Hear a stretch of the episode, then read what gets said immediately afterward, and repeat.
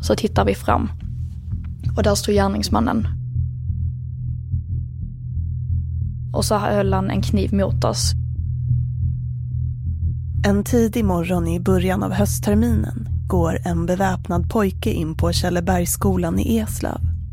Klädd i hjälm, skyddsväst och med halva ansiktet täckt av en skelettmönstrad mask. Det första jag lade märke till var att han var jätteliten. Jag bara tänkte att han är kort, han är ett barn liksom. Det visar sig att han är elev på skolan. När han vände sig om började jag springa. Jag försökte typ springa för mitt liv. Jag bara försökte överleva.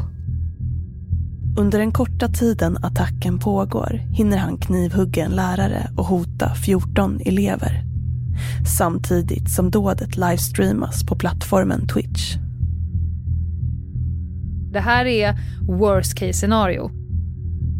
Jag har aldrig varit med om något sånt här under mina år i Eslöv.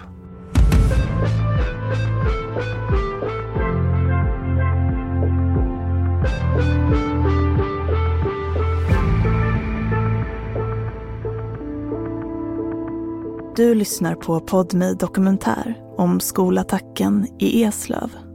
En serie i två delar med mig, Alice Löv.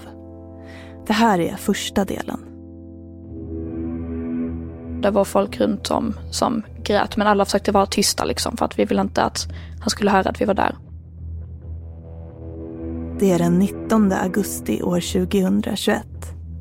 14-åriga Malin sitter under ett bord i ett av Källebergsskolans klassrum tillsammans med sina klasskompisar. Jag var helt säker på att någon av oss skulle dö. För jag tänkte liksom att han skulle ta sig in och att någon av oss skulle dö. Någonstans där utanför finns gärningsmannen.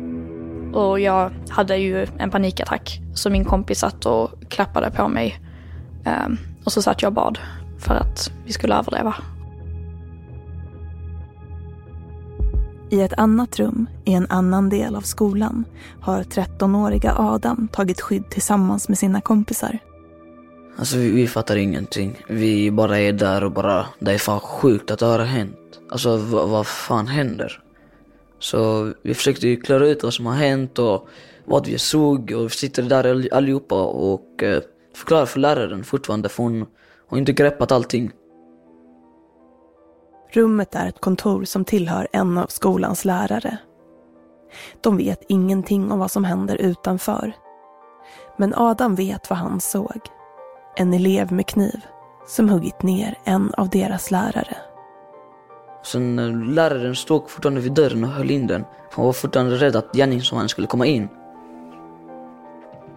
Då hörde vi typ tre skott. Ingen vet vem det är som skjuter. Om det är polisen eller om det är gärningsmannen. Vad som är säkert är att efter den här dagen kommer ingenting någonsin bli sig likt. Det är en händelse som kommer att följa med mig hela livet.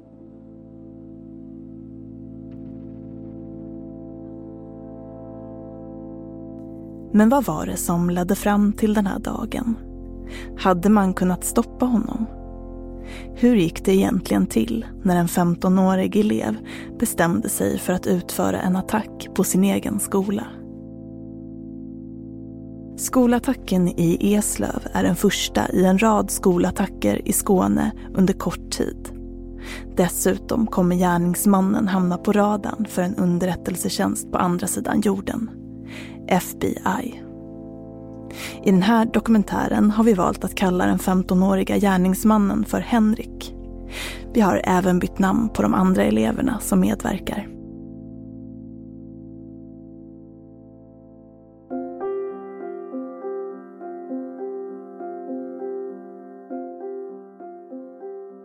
På den skånska landsbygden, bara några mil från Malmö, ligger den lilla orten Eslöv.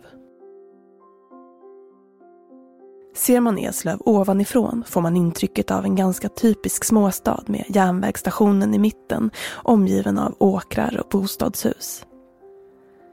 I de husen bor ungefär 30 000 människor.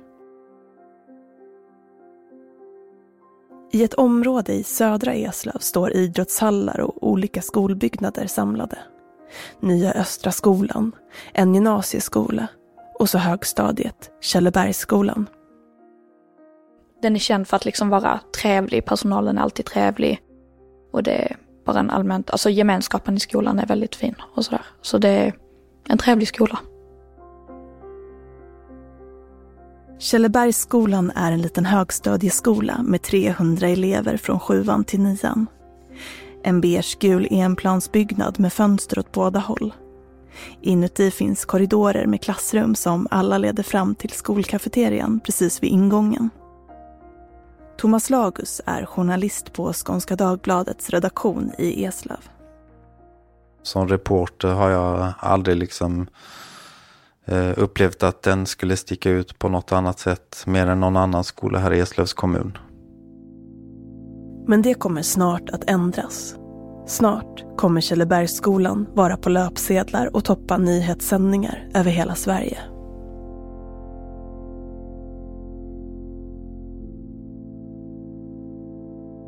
Det finns någonting som verkligen sticker ut med Henrik i Eslöv och det var att alla såg det komma.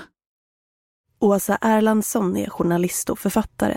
Hon har bland annat skrivit en bok om skolattacken i Trollhättan 2015 och bevakat andra skoldåd i sitt jobb som journalist för Dagens Nyheter.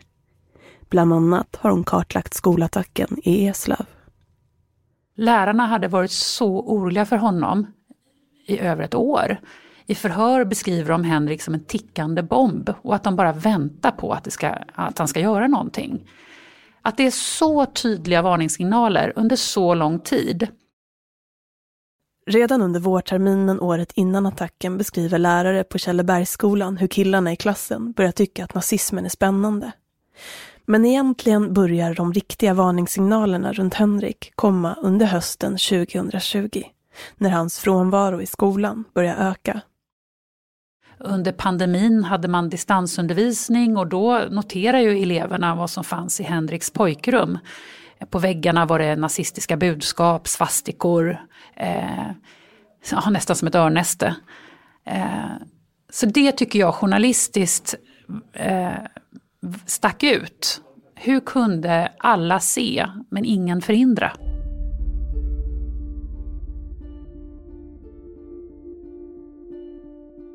För det är inte bara skolpersonalen som får signaler om att allt inte står rätt till med Henrik.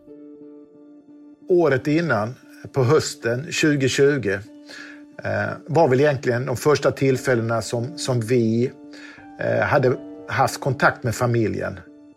Det här är Patrik Nyqvist. Han är gruppchef på utredningssektionen på polisen Södra Skåne. Men han kommer också, när skolattacken skett, att bli utredningsledare för det här fallet. Han har kartlagt kontakten polisen haft när det gäller Henrik och det går tillbaka till den 11 oktober 2020. Nästan ett år innan attacken på Källebergsskolan. Den här gången handlade polisens utryckning om att stoppa ett bråk i bostaden. Det resulterade inte i någon polisanmälan men snarare en orosanmälan till socialtjänsten. Men det var den 11 oktober 2020 som, som var den första händelsen egentligen där vi hade kontakt med honom. Efter den här händelsen åker polisen tillbaka till Henriks hem på uppdrag av socialtjänsten för att hålla ett orossamtal med honom. De går då in i hans rum och ser även de rasistiskt klotter på väggarna. I samtalet får de också uppfattningen om att han intresserar sig för nazism och Hitler. Polisen rapporterar de här uppgifterna till socialtjänsten. Efter den här händelsen får polisen under hösten 2020 rycka ut till adressen ännu en gång. Också det på grund av ett bråk. Och senare under samma höst anmäls Henrik försvunnen. Vid två tillfällen eh, under, eh, i december månad eh, kommer tillbaka självmant till föräldrarna. När vi tittar historiskt sett från polisens sida och vad vi har haft kontakt eh, A lot can happen in the next three years. Like a chatbot may be your new best friend. But what won't change? Needing health insurance. United Healthcare Tri Term Medical Plans are available for these changing times. Underwritten by Golden Rule Insurance Company, they offer budget friendly, flexible coverage for people who are in between jobs or missed open enrollment. The plans last nearly three years in some states, with access to a nationwide network of doctors and hospitals. So, for whatever tomorrow brings, United Healthcare Tri Term Medical Plans may be for you. Learn more at uh1.com. The number one selling product of its kind with over 20 years of research and innovation. Botox Cosmetic, out toxin A, is a prescription medicine used to temporarily make moderate to severe frown lines, crow's feet, and forehead lines look better in adults. Effects of Botox Cosmetic may spread hours to weeks after injection, causing serious symptoms. Alert your doctor right away as difficulty swallowing, speaking, breathing, eye problems, or muscle weakness may be a sign of a life threatening condition. Patients with these conditions before injection are at highest risk. Don't receive Botox Cosmetic if you have a skin infection. Side effects may include allergic reactions, injection site pain, headache, eyebrow and eyelid drooping, and eyelid swelling. Allergic reactions can include rash, welts, asthma symptoms, and dizziness. Tell your doctor about medical history, muscle or nerve conditions including ALS or Lou Gehrig's disease, myasthenia gravis, or Lambert-Eaton syndrome and medications, including botulinum toxins, as these may increase the risk of serious side effects. For full safety information, visit BotoxCosmetic.com or call 877-351-0300. See for yourself at BotoxCosmetic.com. Äh, här med, med, med honom så är det de här första tillfällena som, som vi kan hitta då helt enkelt. Eh, men, men det blir aldrig polisutredningar kring det utan den första polisutredningen egentligen som startar upp det är en händelse som inträffade 19 januari 2021. Vi ska återkomma till vad det var som hände den 19 januari. Men det som redan innan dess är tydligt är att polisens kontakt med Henrik på kort tid gått från noll till flera ingripanden. Oavsett ideologi så ser en radikaliseringsprocess ungefär likadan ut. Lena Ljungdahl är skolsäkerhetsexpert och arbetar bland annat för myndigheten Centrum för våldsbejakande extremism. Och den är ju i princip fyra steg. Att ett, du upplever någon form av orättvisa. Det kan vara orättvisa mot dig som person, det kan vara en orättvisa i samhället. Någon, du upplever en orättvisa, det behöver faktiskt inte vara faktiskt, att det är liksom konstaterat. Hon är före detta polis och har sedan 2015 utbildat skolor i hur de ska agera under skolattacker, men också hur de ska kunna förebygga att de ens sker. Och sen samlar du under en period på oförrätter. Med att man samlar på oförrätter menar Lena Ljungdahl att man är selektiv med vad man tar till sig för information, till exempel från nyhetssändningar, och väljer det som passar in i ens egen världsbild. Och det är en del av radikalisering, så är vi ju alla lite mer eller mindre. Man lyssnar med det örat man vill och så, så här, för att få kvittens på att jag hade rätt från början. Eh, men då samlar de på oförrätter som till slut blir så stort så att du börjar liksom rättfärdiga någon form av gärning, handling utifrån att det är så sant för dig. Eh, du umgås mest med likasinnade, inte så mycket IRL utan mest på nätet. Du befinner dig bara i forum där folk tycker likadant. Du är ganska övertygad om att världen blir mer och mer svartvit mindre nyanserad. Sen så eh, ser vi ofta en isoleringsfas, alltså att de försvinner helt så man ska dra öronen åt sig om en person bara helt försvinner från skolan till exempel. Eh, och sen så kan man ofta se att den utlösande faktorn, där man går från tanke till handling, är en upplevd kränkning. Och att den kränkningen inte behöver ha någonting med den från början upplevda orättvisan att göra. Det kan räcka med att du har flickvännen har gjort slut, du har sökt en praktikplats som du inte har fått, du har blivit avstängd från en skola eller något sånt där. Alltså ett, ett ytterligare upplevd orättvisa, en kränkning av dig som person. Så ser en radikaliseringsprocess ut ungefär, oavsett ideologi. Säpo har gått ut och varnat för att barn radikaliseras på nätet. De skriver i flera fall har Säkerhetspolisen sett en koppling mellan psykisk ohälsa och mottagligheten för propaganda. Det är också allt yngre personer som tar del av våldsbejakande budskap och instruktioner kring hur vapen och sprängmedel kan tillverkas. Säkerhetspolisen ser i informationsflödet fler unga tonåringar som uttrycker att de mår dåligt, refererar till terrorister och olika typer av attentat och uttrycker sin vilja att citat, göra något.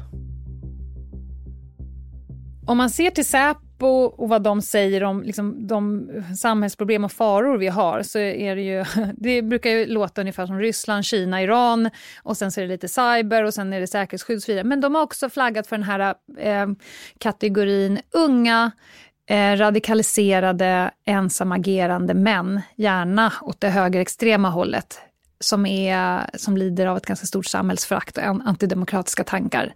Det, det är ju till stor del skolattackarna, eh, eller man hittar dem där.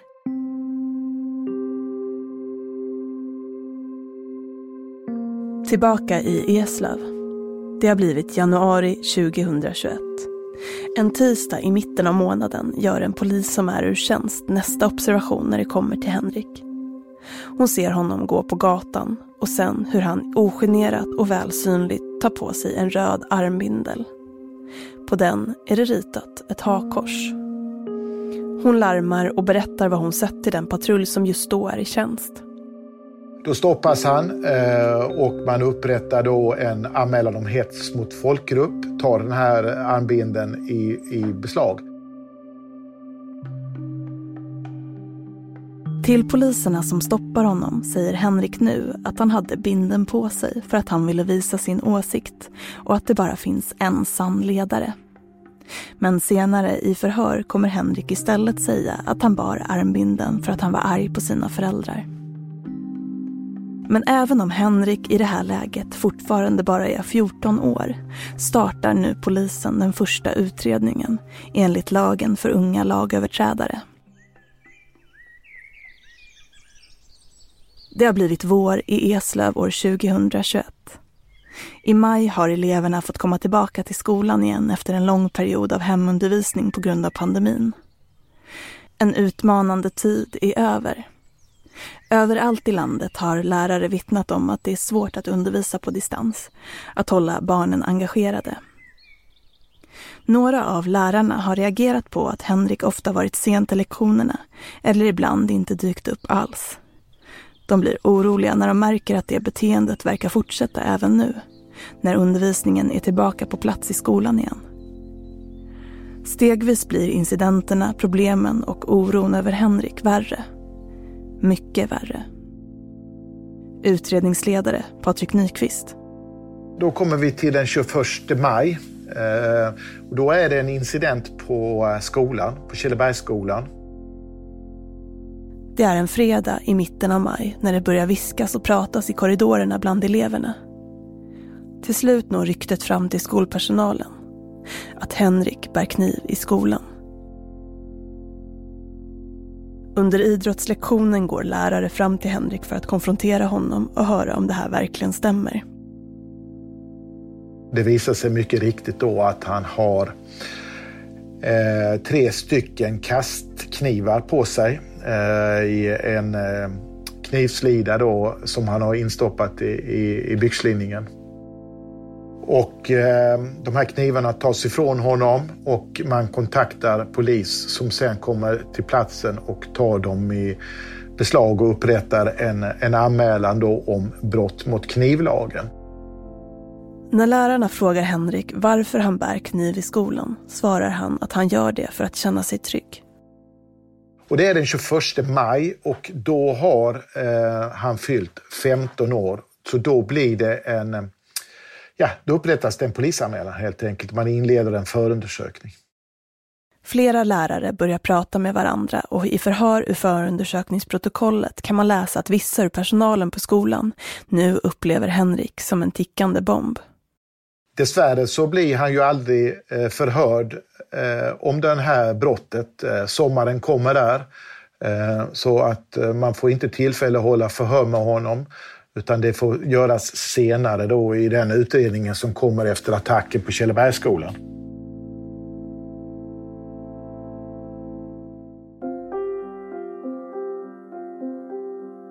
Skolavslutningen kommer och sommarlovet går i den lilla skånska orten Eslöv.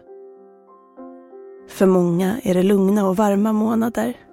Lokalpressen rapporterar om att någon klottrat ner en busskur att några bilister utsatts för äppelkastning på Sallarupsvägen och att skolorna, när terminen startar, ska fortsätta ha undervisningen på plats i skolans lokaler. Men nu är barnen från högstadiet Källebergsskolan lediga. Tillbringar dagarna med att bada, njuter av solen, hänger med vänner.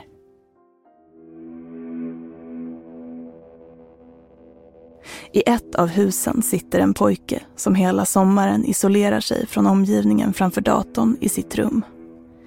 Det är Henrik. Och än så länge är det ingen som vet vad han planerar. Han har under lång tid sökt upp och blivit matad med allt mer radikala åsikter genom stora högerextrema forum på nätet. De har han hittat till genom spel och via chattverktyget Discord. Nu jobbar han på ett manifest som han ska släppa när skolorna börjar igen.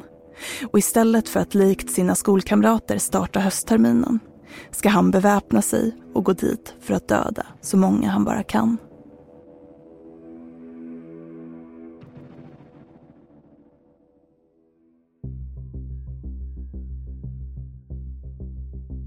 Men fredagen den 6 augusti, bara några veckor innan skolstarten, tar lokalpolisen i Eslöv emot ett larm från en underrättelseverksamhet på andra sidan jorden.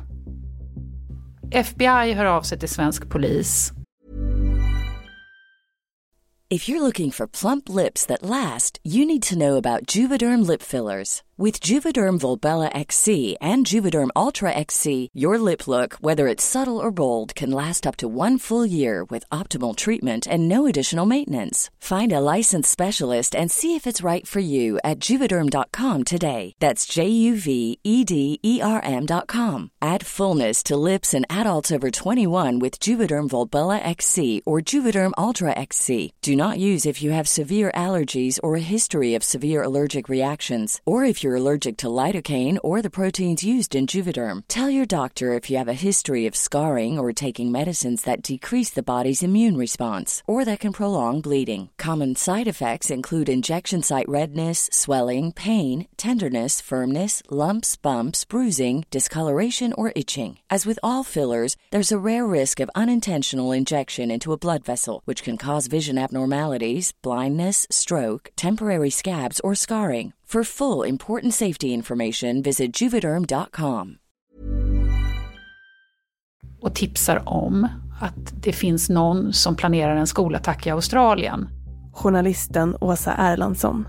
Men spåren visar sig gå till Henriks adress i Eslöv. Och en patrull med svensk polis skickas dit. Meddelandet som polisen får larm om är skrivet på chattappen Discord på engelska och lyder This school here in Australia has a lot of people and I'm thinking of live streaming it while I shoot it down and stab people to death. Det står också att målet är att döda muslimer, asiater och svarta. Att han har en pistol som fungerar bra och massor av knivar. Han skriver också att han planerar att göra en attack som någon som heter Anton Lundin. Alltså namnet på den gärningsman som utförde skolattacken på Kronan i Trollhättan år 2015. Polisens utredningsledare Patrik Nyqvist. Själva meddelandet, där framstår det som att man befinner sig i Australien och ska genomföra en skolattack. Så det, man är väl lite frågande till uppgifterna hur det är någon som befinner sig i Eslöv som har skrivit om att göra en skolattack eh, i Australien. Men man, man måste ju följa upp det här. Det är så pass allvarligt så att man vill följa upp det. Det är därför man åker hem dit och samtalar med föräldrarna. Och då framkommer det rätt så, så direkt att eh, det här är deras son som har uttryckt sig på det här sättet på, på, på nätet. När polisen kommer till adressen erkänner Henrik att det är han som har skrivit meddelandet, men säger att han inte menat något med det. Poliserna gör en anmälan om olaga hot och tar återigen kontakt med socialtjänsten. När de går därifrån beskriver poliserna hur de håller koll över axeln. Att det är något med Henriks blick som känns hotfullt. Och den här patrullen får så dåliga eh, vibbar av allting. Och de vill verkligen få ett okej okay på tvångsmedel, till exempel att beslagta Henriks dator. Men får nej på det. Eh, och det hade kanske kunnat bli en vändpunkt, för i den där datorn fanns ju hela hans brottsplanering. Det som sker är att patrullen får nej och måste rätta sig efter det. Och Henrik går upp på sitt pojkrum och raderar eh, innehållet. Sen återskapar han det. Men eh, där och då så, så raderar han sin brottsplan. Men det är ju alltid så, om inte om hade varit. Polisens utredningsledare Patrik Nyqvist är inte inkopplad i det här fallet vid den här tidpunkten, men säger att man i efterhand tydligt kan se hur allvarlighetsgraden i Henriks beteende trappas upp. På väldigt kort tid så har ju det här eskalerat vad det gäller eh, gärningsmannen. Där det börjar i oktober. Eh, dessförinnan är man helt okänd så att säga och sen så bara eskalerar det och, och, och går liksom ett steg upp hela tiden på någon form av våldstrappa eller vad man ska kalla det. Både polis och socialtjänst har vid det här tillfället larmats flertalet gånger om att Henrik har problem. Att han har högerextrema åsikter och tillgång till vapen. Men det är varken en polis eller en socialtjänsteman som kommer att vara den som gör ett sista försök att stoppa Henrik. Det är en 17-åring i ett annat europeiskt land som Henrik har haft intensiv kontakt med. Åsa Erlandsson börjar kartlägga Henriks digitala värld, där 17-åringen verkar vara Henriks bästa vän. Och jag fick efter många turer kontakt med den här 17-åringen. Och han verkar vara lite samma på det sättet att han beskriver sig som väldigt ensam, väldigt isolerad, svårt med vänner. Mycket tid framför datorn. Och 17-åringen och 15-åriga Henrik, de byggde upp en väldigt stark lojalitet mot varann. Ehm, och de kunde skämta också. Ehm, så i början när Henrik börjar skriva till 17-åringen att han planerar en skolattack och, och liksom har fantasier kring det, så tror 17-åringen först att det är ett skämt. Det är jargong, det är liksom sånt man kan prata om. Men sen en sommarnatt 2021 så inser 17-åringen att men herregud, det är ju allvar. För då skickar Henrik över bilder på sina vapen, på sin tänkta hemmasnickrade uniform och det är då poletten trillar ner för 17-åringen, att han kommer nog att göra det här. Plötsligt finns det en enda person som har möjlighet att stoppa Henrik från att utföra det här dådet. 17-åringen inser att Henrik menar allvar och Henrik avslöjar också att han själv planerar att dö under sitt skoldåd. 17-åringen skrev till mig att jag blev orolig över att han ville dö. Och jag vet att det här inte kommer låta så bra. Men jag brydde mig faktiskt inte så mycket om de andra. Jag brydde mig om honom. Och när jag fick det här till mig så tänkte jag, ja, som, som man tänker, att med för 17 slår larm. Och vi hade mycket diskussioner om det, jag och 17-åringen. Och han förklarade för mig att det satt så hårt åt att göra någonting. Och jag tror att 17-åringen kände att Henrik var hans bästa vän. Trots att de bodde i olika länder och kanske inte ens har träffats. Så 17-åringen ringer inte till svensk polis, men han försöker i löndom eh, slå larm.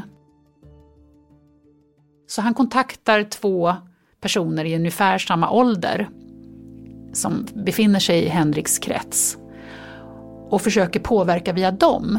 Men han når inte fram via dem heller. Försökte han själv prata med Henrik om det här? Ja. 17-åringen försökte övertala 15-åringen att inte göra det. Ehm, men, fick inget gehör. Henrik blir också arg och menar att eh, om du försöker stoppa mig eller läcker det här till någon så kommer jag aldrig förlåta dig. Så 17-åringen sitter ju där eh, i sitt pojkrum i en annan del av Europa och ja, har en inre kamp skulle jag nog säga, hur han ska göra.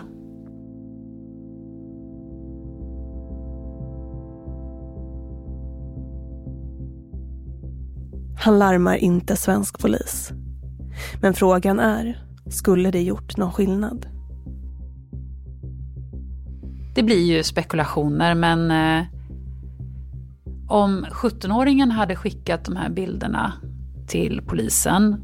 Och det är en hemmasnickrad uniform, det är vapen och det är också hela, en hel brottsplan som är väldigt, väldigt detaljerad där Henrik skriver hur han ska gå upp tidigt på morgonen och packa allting i en bag, och hur han ska gå tillväga när han attackerar den här skolan. Ja, kanske hade polisen beslutat om att nu har vi tillräckligt för tvångsmedel att eh, gå och eh, plocka in teknisk utrustning eller kanske hade det materialet fått polisen att agera akut. Det får vi aldrig veta. Det vi vet är att ingen kommer att stoppa Henrik och att det kommer få förödande konsekvenser.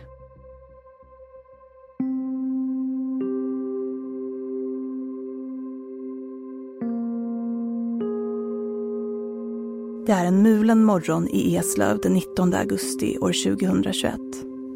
Det doftar av nyklippt gräs och luften är tryckande. Det ska regna idag. Solkyssta barn strömmar in i klassrummen på Källebergsskolan. Det är den andra dagen på höstterminen och eleverna kommer tillbaka efter ett långt sommarlov.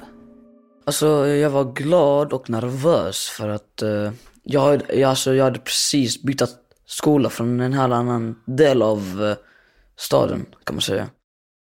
En av de barn som kommer till skolan den här dagen är Adam. Han har börjat i sjuan. Så det var ju nya folk och nya personer. Så det var ganska nervöst den dagen också. Men man lärde sig känna folk eh, samma dag.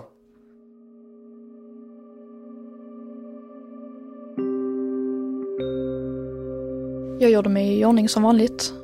Malin kommer också till skolan den här dagen. Jag minns typ vad jag hade på mig och så. Ehm, och det var en t-shirt, en Levi's t-shirt och ett par jeans. Och så tog jag mig till skolan. Det kändes bra, jag var taggad. Och så mötte jag upp med mina vänner utanför i korridoren och så gick vi in till lektionen som en helt vanlig dag. Den här helt vanliga dagen kommer strax att förvandlas till en mardröm och etsa sig fast i Adams, Malins och deras skolkompisars minnen för resten av deras liv.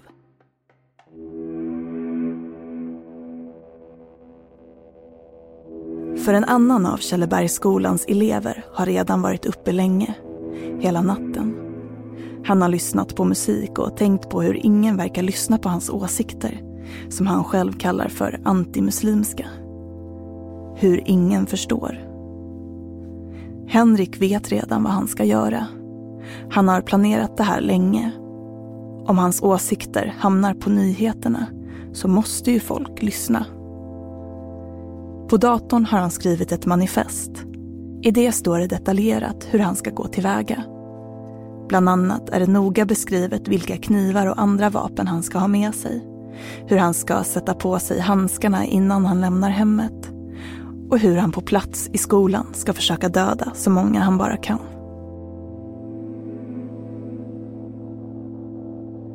När morgonen kommer tar han, precis som planerat, på sig byxor och ett bälte där han sätter tre knivar.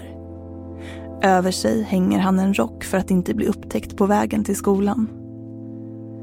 I en gympapåse packar han ner en hjälm, en fejkad skottsäker väst, men som ser riktig ut. Och på den har han fäst Sverigeflaggor. Slutligen lägger han ner två pistolreplikor. När klockan slår sju stänger han ytterdörren bakom sig och går mot skolan.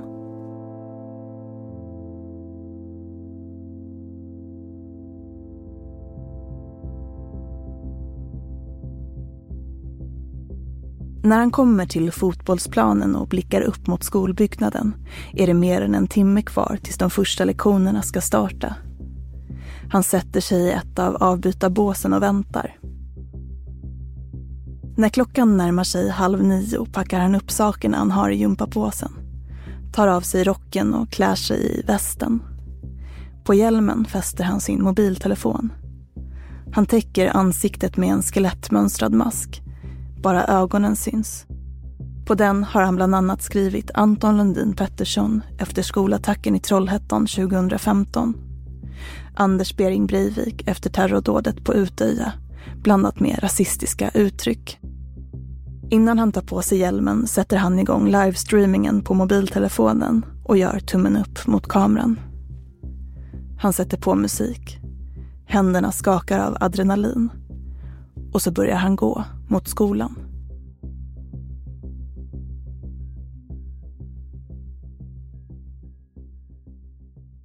Det var som en vanlig dag. Man uh, gick ner till klassrummet i en annan byggnad då. Adam har dagens första lektion i en byggnad en bit bort. Men när han kommer till klassrummet får han reda på att läraren är sen och att de ska starta lektionen med en vikarie som inte kan deras namn. Han eh, skickade upp oss för att hämta våra namnlappar då. Så vi gick, eh, vi gick upp till skåpen i en annan byggnad. Adam och några av hans klasskompisar går upp till skolans huvudbyggnad för att hämta namnlapparna. På vägen möter de en lärare, men han försvinner ur deras synfält när de stannar till bakom sina skåp. Men de hör honom fortfarande. De hör att han säger något i stil med Du har visst full mundering på dig, till någon. Följt av ett kvidande aj. Men de har inte en tanke på att det som de hör är början på en skolattack. Det finns ett annat skåp som är bakom mig då. Eh, där min vän vänder sig, med, sig om och sen eh, kollar vad som eh, försiggår. Så vi, eh, han bara kolla, alltså, sa till oss att kolla vad som händer. Adam kikar fram bakom skåpet. Så vi, vi, vi kollar, så ser vi en, eh, en man, alltså med en kniv. Eh, som hade militärutrustning med mask och som hade ett skelett på sig och en alltså, så, lång kniv och en pistolhållare. Vi, vi, vi alla trodde först det var typ så en lek. Alltså det var så något skoj. Men när Adam ser läraren falla mot golvet går känslan av att det är en lek strax över i rädsla. Alltså för mig, vi såg ju kniven. Och då började läraren skrika på hjälp. Och man... Eh, då, då började vi fatta, fan det här är ju inte... Det är inte en lök. Så blev vi rädda. Det som har hänt är att läraren de mötte för bara någon minut sedan har blivit knivhuggen i magen. Så vi visste inte vad vi skulle göra. Så en av mina vänner då um, försökte ringa polisen. Han fick lite mer panik. Så vi visste inte vad vi skulle göra. Så vi stod där inbackade i en, uh, i, en hörna och uh, panik, har panik. Men han går framför oss här, fram och tillbaka mellan en dörr, dörrkam och uh, målsägande. Så det blir ju, det var väldigt hektiskt. Händerna skakar, stämningen i luften är hotfull.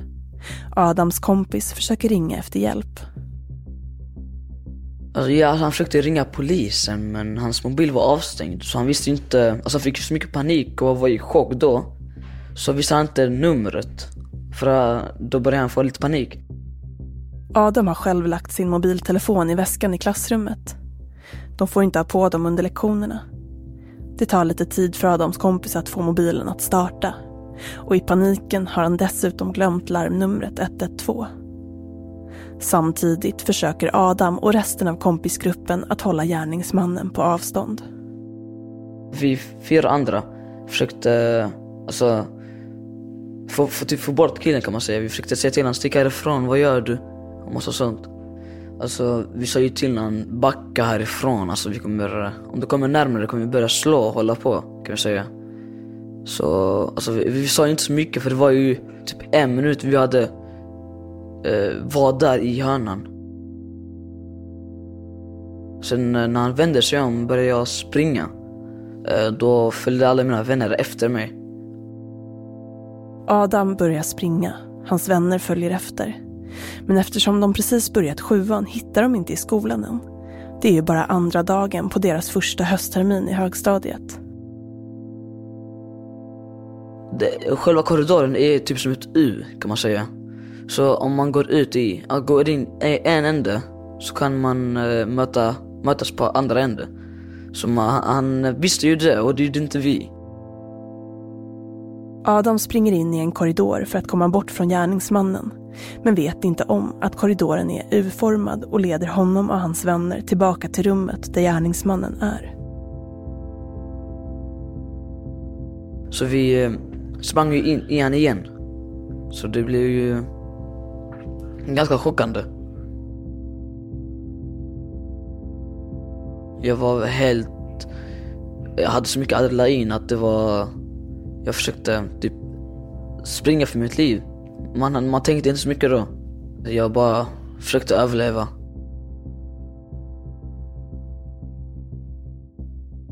I nästa avsnitt. Och så höll han en kniv mot oss i maghöjd ungefär eh, och skrek åt oss att backa. Det är väldigt uppenbart att han är kvar för att konfrontera den första polispatrullen som kommer till platsen. Jag var helt säker på att någon av oss skulle dö.